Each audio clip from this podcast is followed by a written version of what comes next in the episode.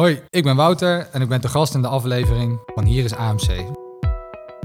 Hey, hallo, Marcel van der Kwast hier. Fijn dat je luistert naar alweer een nieuwe aflevering van mijn podcast Hier is AMC. Je gaat luisteren naar een aflevering van de Employer Branding Summit Specials 2023. Deze serie maak ik samen met Recruiters United. In november 2023 organiseerde Recruiters United zoals elk jaar de Employer Branding Summit en ik mocht weer de podcaster van dienst zijn. Drie keynote sprekers zijn op deze dag bij mij achter de microfoon aangeschoven. En daar praten we nog even verder over hun onderwerp. Als je erbij was op die dag, is een mooie aanvulling. Was je er niet bij, krijg je toch nog iets mee van het evenement. Het thema van het evenement was dit jaar de Human Deal. We richten ons op de relatie tussen werkgever en werknemer. Nog nooit was het centraal stellen van de kandidaat en de medewerker zo belangrijk als nu. En dan kun je als werkgever onderscheiden door een persoonlijke connectie te maken. Daar ga ik met drie compleet verschillende sprekers over praten. In deze aflevering is mijn gast Wouter van den Berg. Hij is de eerste neuro-econoom van Nederland en oprichter van Brain Compass. Voor alle afleveringen in deze serie kun je kijken op recruitersunited.com of op hierisamc.nl. Veel plezier met deze aflevering en alvast bedankt voor het luisteren. Mijn derde gast van vandaag is Wouter van den Berg. Welkom Wouter. Leuk om uh, hier te zijn, Marcel. Fijn dat je eventjes uh, vers van het podium uh, bij mij aan tafel komt zitten. Dat, ja, je zit, ik zou bijna zeggen, je zit uit te hijgen, maar goed, met jouw conditie hijg je hier niet eens van. Um, je wordt hier tijdens het evenement geïntroduceerd als de eerste neuro-econoom van Nederland. Nou, dat is sowieso een interessante combinatie. En je hebt onderzoek gedaan naar de bouwstenen van talent en het gat tussen potentie en prestatie stond er op de site. Nou, dat klinkt goed. Daar gaan we straks in ieder geval over verder praten. En dan heb ik net uh, driftig mee zitten schrijven met uh, jouw presentatie op podium. Maar eerst eventjes de goede introductie van uh, ja, wie je echt bent en wat je doet. Want dat heb ik natuurlijk nu nog niet fatsoenlijk gedaan. Vertel eens, wie ben je, wat doe je en hoe is het allemaal zo gekomen? Ja, leuke vraag. Ik ben, ik ben dus Wouter, ik kom uit Rotterdam, inmiddels 38 jaar en vader van een, een kleintje van 3,5. Ik denk dat de thuisbasis is natuurlijk altijd fijn om lekker te beginnen, denk ik. Uh, en eentje onderweg, dus het wordt uh, spannend uh, in januari. maar ik ben mijn reis natuurlijk niet hier begonnen. Ik heb heel lang de ambitie gehad om profvoetballer te worden. Dus dat uithijgen na een optreden voelt wel een beetje als nu voor de camera's getrokken worden na de wedstrijd, zullen we maar zeggen. en ik heb wel vaak interviews gezien met voetballers dat ik dacht, nou, dan zeg je niet de meest slimme dingen. Dus ik laat het, na afloop... Het meest wat ze zeggen is volgens mij, ja, wat ik zeg. Ja, dat is volgens mij de, het grootste cliché. Nou, daar zal ik je op proberen te, te challengen. Doe dat, want uh, het zou leuk zijn om gewoon nog uh, even een mooie doorvertaling te maken, denk ja, ik. Ja. Um, maar uiteindelijk de laatste stap niet kunnen zetten. Dus ik heb in de jeugd wel uh, voor Nederland gespeeld. in de jeugd bij Excelsior, een kleine club in Rotterdam gezeten. Rotterdam Kralingen. Ik heb 20 jaar of 19 jaar naast het Excelsior Stadion okay, gewerkt. In die, nou. witte, die witte kantoorvilla die daar staat. Oh, dus prachtig. Dat, ja. Dus dat, oh, leuk. Nou, dan ken je het goed. En ja. dan weet je ook dat daarnaast de campus Woudenstein ligt van de universiteit. En toen ik dus op mijn 21ste te horen kreeg dat uh, het voetballen uh, er niet in zat of er niet uitkwam, dat is een beetje een thema denk ik ook van de talk van vandaag, uh, ben ik lekker gaan studeren. ik zeg lekker, maar ook wel met pijn in mijn hart, want ik had natuurlijk ook wel een deur zien dichtgaan. Ja, en je ziet het veld van Excelsior echt wel liggen vanuit de hoogbouw van Zeker, Erasmus. Dat, ja. ja, ja. En uiteindelijk uh, twee masters gedaan, uh, neurowetenschappen op de medische faculteit en economie op de algemene economische faculteit. En daar komt die term neuroeconomie dus vandaan. En is dat, ja, misschien een gekke vraag, maar is dat een bestaande term? Of heb jij dat toevallig aan elkaar gekoppeld nee, dat je ja. die studies hebt gedaan? Nee, of? dus de, die term is wel bedacht in de zin van dat langzaam economen ooit begonnen zijn meer vanuit de wiskunde. Ja. Hè, van we snappen mensen en we kunnen ze uitrekenen. Toen vanuit de psychologie, dus toen kwam een beetje de gedragseconomie zoals ze dat dan noemen. En uiteindelijk zeiden ze ja onder die psychologie ligt ook nog iets. En daar komt Ja. een beetje de hersenkunde, oftewel de neurowetenschappen om de hoek. Ja. Maar ik was wel de eerste die fundamenteel uh, getraind was in beide. Dus ik heb echt fundamenteel die masters gedaan en uh, tot op nou ja, detailniveau ofwel in de economische modellen gezeten, ofwel uh, letterlijk met muizen onderzoek gedaan om te kijken hè, hoe bijvoorbeeld sociaal gedrag in hiërarchie werkt. Ja. Ja. Wat je dan kan doorvertalen naar leiderschap, bijvoorbeeld. Uh, en zo eigenlijk die twee werelden aan elkaar uh, geknoopt. En uh, vanuit dat proefschrift uh, Brainkompas begonnen. Dus als oprichter um, van, nou, inmiddels elf jaar geleden denk ik. Van Brainkompas waar we assessment tooling ontwikkelen om mensen inzicht te geven in zichzelf. En uiteindelijk dat inzicht te vertalen in daadkracht naar buiten toe. Want uiteindelijk, je hebt dus niks aan talent als je het niet kunt activeren. En dat is, uh, je zegt assessment tool, dus dat is heel erg binnen organisaties met het, het ja, zoals je zelf het omschrijft, het, het ontwikkelen van talent. Ja, en je zou hem eigenlijk helemaal nu breed tegenwoordig, uh, denk ik wel door de hele talent journey kunnen trekken, waarin je aan de talent acquisition kant, hè, dus de instroomkant, ja. Uh, mensen wil helpen begrijpen uh, wie ze zijn en wat voor keuzes ze kunnen gaan maken met dat talent. Uh, en de werkgever een soort van beeld wil geven van oké, wat heeft deze persoon nou nodig om te kunnen floreren? Ja, ja. Ik ben niet zo van het geschikt of ongeschikt model van assessments. Mochten we daar vandaag nog op af tegenkomen op dat onderwerp, daar valt echt wel veel over te zeggen, denk ik. en dan daarna met name natuurlijk talent development. Van hoe help je mensen het maximaal uit zichzelf te halen en het potentieel vrij te spelen. Ja, ja, en is het, want, want nou, we zitten hier op een dag die gaat over employer branding en over dus, nou ja, de, weet je, de talent journey, laten we die term vooral gebruiken. Um, als je gaat kijken naar iets uitzoomend, gewoon het fenomeen werk en, en uh, mensen en hun werk. Je had in je presentatiestuk zitten over de, de, nou ja, de, de rationeel denkende mens. Ja. Leg mij eens uit van hoe, hoe, hoe we als mensen staan ten opzichte van werk. Nou, ik denk dat dat dus langzaam aan het schuiven is. Dat heeft ook wel iets te maken met de welvaart. Dat heeft iets te maken met de maatschappelijke realiteit. Dat heeft ook wel iets te maken met een soort van generatieding, waar we denk ik ook verschuivingen zien. En kijk, als je het puur rationeel zou kijken, dan moet werk in iets voorzien, zou je zeggen. En, uh, en dat is een beetje dat oude model van dat nutsdenken, van het moet iets opleveren. En dan denken we toch al vaak aan uh, primair of secundaire arbeidsvoorwaarden als, voorwaarden als geld of vrije dagen of wat dan ook. En ik zie in ieder geval in de praktijk dat als wij mensen helpen om hun potentieel vrij te spelen, dat het eigenlijk altijd over gaat over de vraag, maar Wout, hoe kom ik nou op de plek waar ik de ruimte en de veiligheid heb om mezelf verder te ontdekken? Ja. Uh, en dus groter kan worden dan wat ik nu ben. En dat die ambitie en die zoektocht hebben wij dan. Hè, werk is wat mij betreft een plek waar jij je als mens verder kunt ontplooien. En werk ja. is een verlengstuk van het platform om jezelf verder te ontwikkelen. Ja. En ik denk eerlijk gezegd dat het is ook wel een beetje wij van WC Eend natuurlijk. Hè. Ik bedoel, ik ben bijvoorbeeld ondernemer geworden, terwijl ik ondernemer heel erg vervelend vind. Ik vind er zit dus een stukje aan het bouwen van het bedrijf wat ik heel erg lastig vind. En tegelijkertijd is dit de plek waarin wij lekker aan tooling kunnen sleutelen op een niveau waar dat nergens kan. Um, op een manier waar ik zoveel vrijheid en autonomie heb, waarin ik met de mensen die ik kies, uh, ja. of, en ook natuurlijk voor ons kiezen, uh, één team, één taak uh, aan de slag kunnen. En daarmee probeer ik werk een plek te geven als onderdeel van mijn leven en niet als een uitstapje, wat het ja. ook wel eens lijkt te zijn, om weer daarna terug te komen in je leven. Ja, en, en, je had net letterlijk een slide erin zitten waar, uh, zeg maar, wat is werk? Want we hebben vanochtend uh, naar Bas Haring zitten luisteren Ja. hier. Nou, die had daar zijn eigen definitie voor. Bij jou stond er, zoals je hem net ook zei, werk is een plek waar je jezelf kan ontplooien. Ja, ik maar, ja en, ik denk, en ik denk dat dat, uh, dat is in ieder geval waar wij aanhaken op het Ja. vinden en verleiden van talent. Als je het hebt over je employer brand, maar uiteindelijk ook intern in je talentmanagement strategie. Uh, om uiteindelijk die mensen te, te behouden en te boeien. Ja. En als je het hebt over strategische personeelsplanning, natuurlijk ook ervoor te zorgen dat je hele talent pipeline naar boven toe, of in de breedte, afhankelijk van hoe je je functies uh, organiseert, ook uh, goed gevuld blijft. Ja. Hey, en hoe zie jij dat, dat ontplooien qua totale arbeidsmarkt? Want voor hoger opgeleide of theoretisch opgeleide, moet ik geloof ik tegenwoordig zeggen, Ja. zie ik hem gelijk. Um, hoe, hoe vertaal je dat naar de, de, de praktisch opgeleide of de MBO-doelgroep? Is, die, is, die, is ontplooiing daar net zo'n, weet je, zoeken mensen daar net zoveel ontplooiing als dat je uh, met, met leiderschapsprogramma's, met talent development programma's tegenkomt?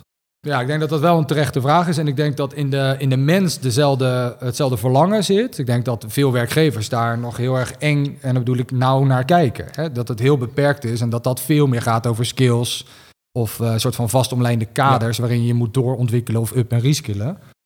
Terwijl ik denk, als je ook aan die mensen zou je kunnen vragen. Uh, ik, zal, ik heb wel uh, een beetje klanten in, uh, noem het maar de blue collar rollen. En die nemen mensen aan. Dat gaat tegenwoordig super snel, want als ze al iemand ja. kunnen krijgen, zijn ze al lang blij. Maar die zijn na twee maanden ook weer weg. Ja. En dat is echt niet alleen maar omdat die functie niet leuk is, maar dat is ook dat de manier waarop ze daar zichzelf kunnen zijn, uh, ja, niet genoeg geborgd is eigenlijk. Nou ja, als je ziet bij, bij de grote volumeaantallen, uh, als, je, als je mensen voor retail zoekt, dan is de werving, natuurlijk, daar moet je flink je best voor doen. Ja. Uh, als dat lukt, dan is het grootste het probleem zit hem aan de achterdeur. Nou, Van, dan is, en de beste oplossing voor je wervingsprobleem is nog steeds gewoon de achterdeur uh, uh, eerst goed dicht krijgen. Precies, dat, ja. Dus En dan, ding- en dan nog steeds, hè, dan zou je kunnen zeggen, ook aan zo iemand kan je natuurlijk wel vragen, welke plek heeft werk voor jou? ja, precies. En wat kunnen wij voor jou betekenen? Exact. Ja. En het meest extreme voorbeeld was, een, eh, dat was echt een C-level van een eh, global rol. En eh, zij had uiteindelijk de ambitie om ooit nog een keer een mooie bloemenwinkel te beginnen. En ze was nu echt de top branding specialist bij een hele grote Ja. internationale corporate. En op een gegeven moment zeiden ze, ja, we kunnen je wel weer naar een MBA sturen, maar misschien moet je gewoon maar bij een bloemist gaan werken als je dat zo leuk vindt en daar 10% van je tijd aan besteden. En dat, in, op dat soort rollen wordt daar dan wel tijd en ruimte voor gemaakt, maar ik kan me voorstellen dat dat voor, nou, door de hele organisaties in alle gelaagdheden gewoon heel waardevol zou Ja, dus ontplooien is, is zeker geen HBO-begrip. Nee, dat, dat helemaal valt, niet, Dat hè. valt voor alles in te vullen. Dat, Ik, en ik, maar ik snap je vraag, want ik denk wel dat daar eh, heel vaak eh, wel meteen aan gedacht wordt. Ja. ja. Ja, nou ja, en daar is misschien van oudsher ook het meest in geïnvesteerd. Ja. Eh, terwijl nu, met de hele shift op de arbeidsmarkt, zou dat juist ook voor de andere kant zou dat enorm waardevol kunnen zijn. Ja. Oké, dus dat, dat is eventjes qua afpellen eh, het fenomeen werk. Ja. Ehm, als jij, want jij, jij vliegt natuurlijk van jouw kant, vlieg jij in vanuit het werknemersperspectief. Weet je, wat, wat eh, vanuit die vraag van wat, weet je, hoe, hoe zitten mensen in elkaar als het om werk gaat? ja. Eh, vertel eens over, ik kom natuurlijk net vers uit jouw presentatie. Nou, ik heb net al laten zien wat mijn aantekeningen waren. Dat is te veel voor nu. ik weet één ding, weet ik wel, van eh, jij had daar een stuk in over dat je als, eh, ergens had je een quote, niemand weet wat hij wil worden. Dat vond ik een mooie in, de, in hoe jij hem net plaatste met de rol die je daarin kunt pakken als organisatie. Vertel daar eens eh, eh, iets over. Ja, dus ik denk dat als je kijkt naar hè, dat ontplooien, dan als dat zo is, hè, stel nou dat je mensen kunt verleiden en binden eh, en helpen groeien rondom die vraag, dan kom je dus op iets heel ingewikkelds. Want ons brein, als we het toch maar even vanuit de neurowetenschappen bekijken, die wil eigenlijk het liefst gewoon herhalen wat hij eerder al gedaan heeft. Dus die wil niet gelukkig zijn, maar die wil voldoende prettig leven. Ja. En die wil geen risico's nemen, want eh, wie weet wat er aan de andere kant van dat risico is. Dus de vergelijking die ik wel eens maak is, hè, je hebt een bosje met allerlei leuke druiven. Dan zijn we eigenlijk de meeste van ons geneigd om niet één nieuwe druif te plukken die we nog nooit geproefd hebben qua kleur. Want ja, je kan ook vergiftigd raken. Dus in beginsel zijn we daarin best wel hè, eh, doen wat we altijd gedaan hebben. Nou, als je kijkt naar ehm,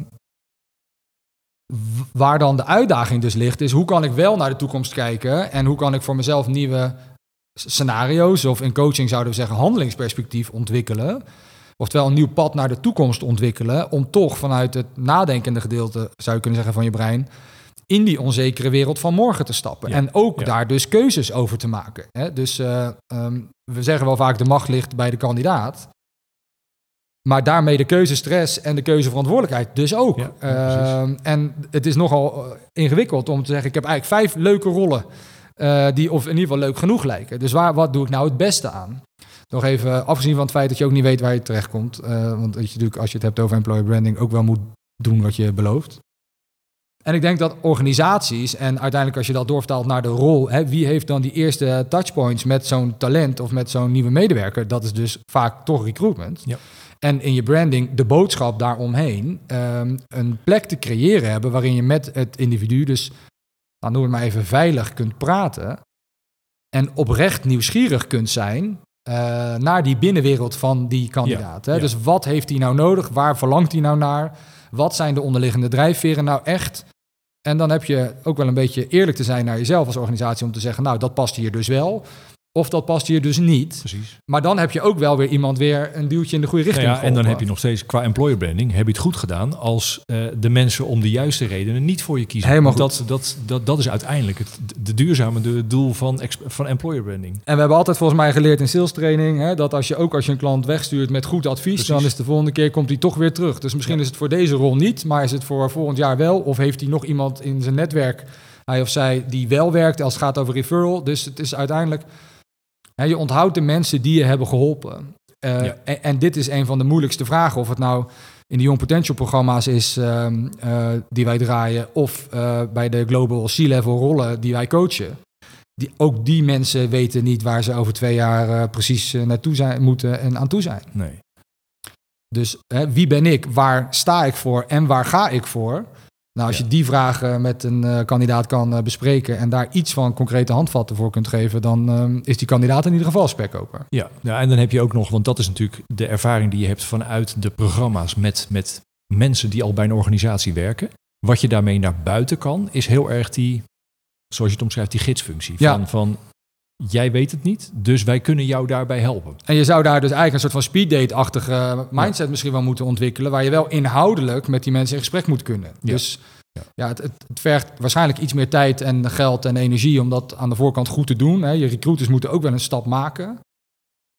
Uh, ik heb ook wel gesprekken met recruiters uh, die zeggen van ja Wout, maar ik weet allemaal niet of ik dat wil weten, want hoe meer ik weet, dan neemt de kans op een misfit en dan kan ook toe en ja. dan kan ik hem niet meer hem of haar de kandidaat niet meer voorstellen. Nee, nee, maar ja, wil je dat dan? Hè, daar, daar zit natuurlijk een beetje het spanningsveld. Ja. Uh, maar ik denk dat als je als organisatie bekend zou kunnen staan als die landingsplaats en dan of je mag een doorstart maken naar een volgende werkgever, of je komt lekker binnen ja. en dan zoeken we een plekje voor je. Ik denk dat dat een heel mooi onderdeel van de employer brand uh, strategie zou moeten zijn. Ja, precies. En dat is altijd, kijk, als je dat in grote aantallen moet doen, is het altijd, maakt dat het weer ingewikkelder. Als je het in kleinere aantallen doet, dan moet je weer de diepte ingaan, dan zit daar weer de uitdaging. Nou ja, maar en in de praktijk zien wij dus, als je dan dus gaat praten over zelfinzicht, als dat dan is waar we het over hebben, dan kan je dus wel denken aan tooling. Want Ja. dan is tooling natuurlijk een schaalbare eh, technologische oplossing. En er is heel veel leuke tooling eh, te kopen in de markt. Van gamification tot aan eh, augmented reality, tot aan zoals wij het doen, naar een soort van diepere versie van drijfveren en aangeboren en aangeleerd talent. Om relatief snel grote aantallen, in ieder geval van dat stukje zelfinzicht te kunnen Ja. eh, voorzien. Ja. Dus het hoeft niet allemaal door de uren van de recruiter heen. Ehm, Nee. En wij zien bij onze klanten ook wel dat eh, de recruiters die werken met een wat uitgebreidere, weliswaar geautomatiseerde, maar wel een uitgebreidere terugkoppeling naar die kandidaten. Ook over een afwijzing of over waarom ze denken dat het geen fit gaat zijn. Dat die kandidaten gewoon dat hele proces veel hoger scoren, omdat ze wat geleerd hebben over zichzelf. Ja. Nou, en daar zit, eh, dan kan je weer verder in ieder Ja. geval.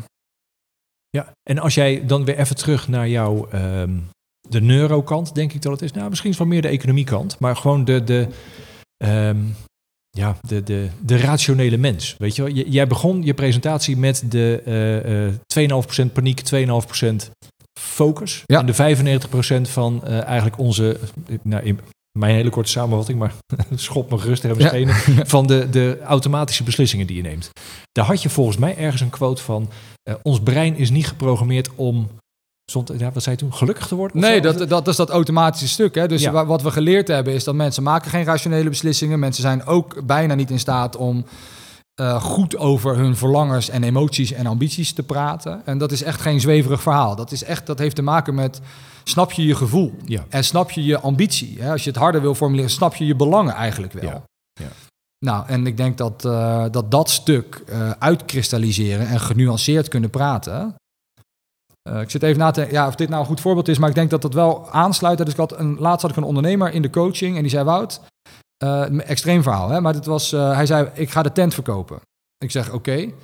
Waarom? Want hij had een hele mooie consultingclub met eh, 55 man in de digital transformation. Ehm, hij zegt: Nou, ik hou niet van mensen. Nou, dat is een vrij eh, algemene statement. En wat, nou, dus in de coaching kwamen we een beetje doorpraten, assessment gedaan. Nou, blijkt heel graag samen te werken met mensen. De design sessies waren leuk, de creatieve borrels waren leuk, de wintersport was leuk. Dus er was heel veel van mensen wat hij wel leuk vond. Maar één ding bleek achteraf, vond hij ongelooflijk ingewikkeld. En dat was in de tijd van corona. Eh, toen eh, liep het echt slecht, eh, omdat al die mensen zaten op de bank, zoals ze dat dan natuurlijk dan noemen. En toen heeft hij privégeld weer terug moeten overhevelen naar de organisatie, om die organisatie in leven te houden. En ook toen kwamen er dus consultants bij hem aan zijn bureau vragen voor een salarisverhoging. En hij zei, als je dat bij mij doet, als ik alles dus al aan je geef en dan, hè, want voor de ondernemers onder ons, als je dat gesprek met je partner thuis moet hebben, van we gaan toch weer een hypotheek op de zaak, eh, op het huis nemen om de zaak ervoor te financieren, dat zijn geen leuke gesprekken. En dat was bij hem geëscaleerd in een soort van beeld of een verhaal wat hij zichzelf vertelt als ik hou niet van mensen. Ja. En had dus maar één handelingsperspectief en dat is die tent verkopen, want dan ben ik van al die mensen af. Ja. Nou, als je zo iemand kan spiegelen en kan zeggen, is het, ik hou niet van mensen, of is het een onderdeeltje van de relatie die je niet, waar je niet van houdt, dan kan je iemand veel beter gidsen en helpen om Ja. op de juiste plek te komen. Maar dat geldt natuurlijk ook met carrièreambities. Hè? Waarom wil je een bepaalde stap maken en bij deze werkgever en 80 uur in de week, of deze primaire, secundaire arbeidsvoorwaarden, of bij deze ehm, maatschappelijk verantwoord onderneming. Waarom, wat, wat drijft jou daar nou echt? Kunnen we dat afpellen? En nadat we het ontrafeld hebben, matcht het dan nog steeds? Of moet je dan toch wat anders kiezen? Nou ja, en wat je nu omschrijft is eigenlijk gewoon de basis van employer branding. Want dat ontrafelen en het benoemen moet je van twee kanten doen. Ja. Want hoe zitten mensen in elkaar die jij graag binnen wil halen als werkgever, maar ook hoe zit je als werkgever in elkaar? Dan moet je net zo goed die waarden benoemen Ja. en ergens gaan kijken of dat elkaar tegenkomt. En als je dan communicatie moet maken, natuurlijk, dan moet het in je communicatie zitten, maar juist in al die lijntjes daartussen kan Ja. je dat continu matchen. En dan ehm, heb jij ergens in je presentatie, noem je ook als het ware de drie, ja, drie soort van niveaus van, ja, dan ga ik bijna jouw slide proberen voor Ja. te lezen wat ik hem niet voor heb, maar dan Ja. weet jij beter over self-management, zelf eh. Ja, dus wij beginnen met, eh, als je met jezelf aan de slag wil en je wil jezelf beter begrijpen, dan beginnen met zelfkennis. Snap ik wat er in mij zit? Ja. Dan zelfbewustzijn. Weet ik wat dat betekent in de wereld waarin ik opereer, hè, waar dat mij raakt? Eh, en dan zelfmanagement. Kan ik ook regie pakken op dat gevoel? En dus niet zomaar een doorgeefluik zijn van mijn gevoel, maar ook af en toe denken: oké, ik voel me zo, maar ik vind dit ook belangrijk. Ja. Eh, en dan heb je de drie fases van ik begrijp mezelf vanuit zelfkennis, ik weet wat dat voor mij betekent vanuit zelfbewustzijn en ik kan mezelf ook managen om daar, want uiteindelijk, en dat is wel een beetje denk ik ook een beetje de aftrap geweest, het gaat er toch om om het maximaal uit jezelf te halen. Hè? Dus Ja. uiteindelijk Ja. komt dat topsportstukje waar ik ooit begonnen ben en ik, ik zou bijna ook willen zeggen een beetje de Rotterdamse nuchterheid van mijn opvoeding van uiteindelijk als morgen de wekker gaat, moet het wel wat opleveren en is dit geen bezigheidstherapie van ik heb weer eens een keer een halve dag op de hei naar mezelf gekeken. Nou, maar en het- nou, het- en wat ik interessant vind aan dat, de, dat drietrapje wat jij schetst, is als je daar als organisatie, want die, die kant ga ik steeds maar een beetje aan hangen, van oké, dan weet je dat mensen zo eh, werken. Daar moet je als organisatie dus maar op aanzien te sluiten. Dus dan zijn dat bijna op die drie niveaus kan spiegelen. Oh, tof. Van ja. wat kunnen wij als organisatie Ja. daar tegenover stellen? Nou is natuurlijk self-management is, ja, dat moet iemand uiteindelijk zelf doen. Tools aanreiken, daar kan je als organisatie misschien best wel iets in betekenen. Want mijn, mijn vraag aan jou zou ook zijn van, het klinkt allemaal heel eh, gestructureerd. En ik, ik geloof je, niet op je blauwe ogen, maar, Nee, wel, op, niet maar doen. wel op je twee studies, Ja. dat dat zo in elkaar zit. Maar ik, mijn twijfel zit bij eh, hoe goed zijn mensen nou uiteindelijk om zo naar zichzelf te kijken. Want je moet heel veel mensen, moet je daar volgens mij enorm bij helpen.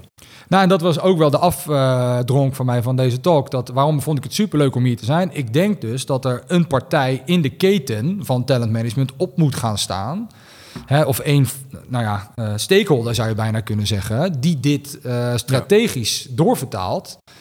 Eh, en of dat dan van marketing en employer branding of vanuit de recruiters die dus de schouders eronder zetten, of de hiring managers vanuit een leiderschapsperspectief. Ja. Uiteindelijk is het een beetje pragmatisch ook kijken naar wie durft het aan om de markt op te voeden. En om dus ook de kandidaat op te voeden en zeggen als het beste kandidaat, als jij hier komt en het is alleen maar u vraagt, wij draaien. Eh, en het is niet u vraagt, maar wij mogen doorvragen bij jou.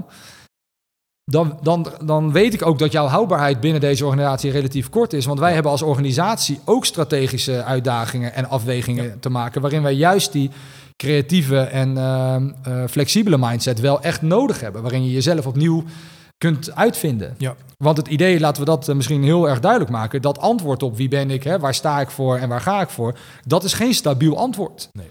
Hè, dus maar, ik ben een andere ondernemer na de geboorte van Julien, mijn zoontje. En ik word dadelijk weer een andere ondernemer als de tweede erbij komt. Ja. eh, als het allemaal goed gaat. En daar, die vraag moet je dus continu opnieuw blijven afstellen. En eh, ik zou bijna zeggen, vanuit goed werkgeverschap zelfs, heb je dus iemand daarin ook eh, proactief eh, Nou te ja, spiegelen. en dan misschien iets meer vanuit jouw economiekant. Ik denk gewoon puur rationeel gezien van eh, eh, hoe hebben we het langst iets aan onze werknemers, dat je ze ook daarbij begeleidt. Ja. Omdat je dan uiteindelijk en het maximale uit jezelf halen, weet je, zo, dat, Ja. zoals je het zegt, dat is dan het perspectief van, van de werknemer.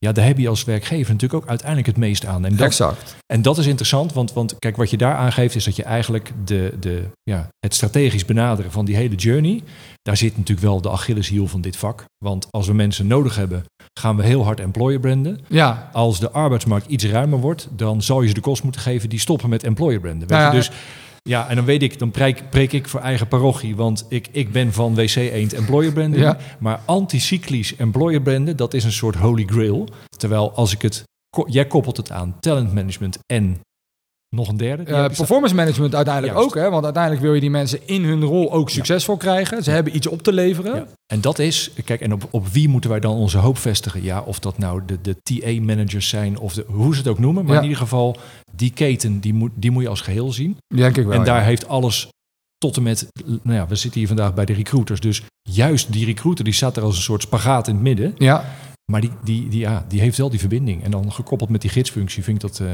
Nou, misschien mogen we de recruiters dus ook wel uitnodigen om gewoon morgen eens een keer iemand van L&D te bellen, voor zover ze dat niet doen. Of iemand vanuit eh, performance management te bellen, voor zover ze dat nog niet doen, proactief. Om gewoon eens te kijken hoe ze die werelden met elkaar Ja. in eh, verbinding Nou ja, en zeker brengen. in combinatie met die, die gidsrol die jij letterlijk aan recruiters geeft in die presentatie. Van Ja. Je bent de gids om iemand te begeleiden naar iets wat hij niet weet en niet weet. Nee, En het brein geeft aan dat je daar in principe bang voor bent. precies.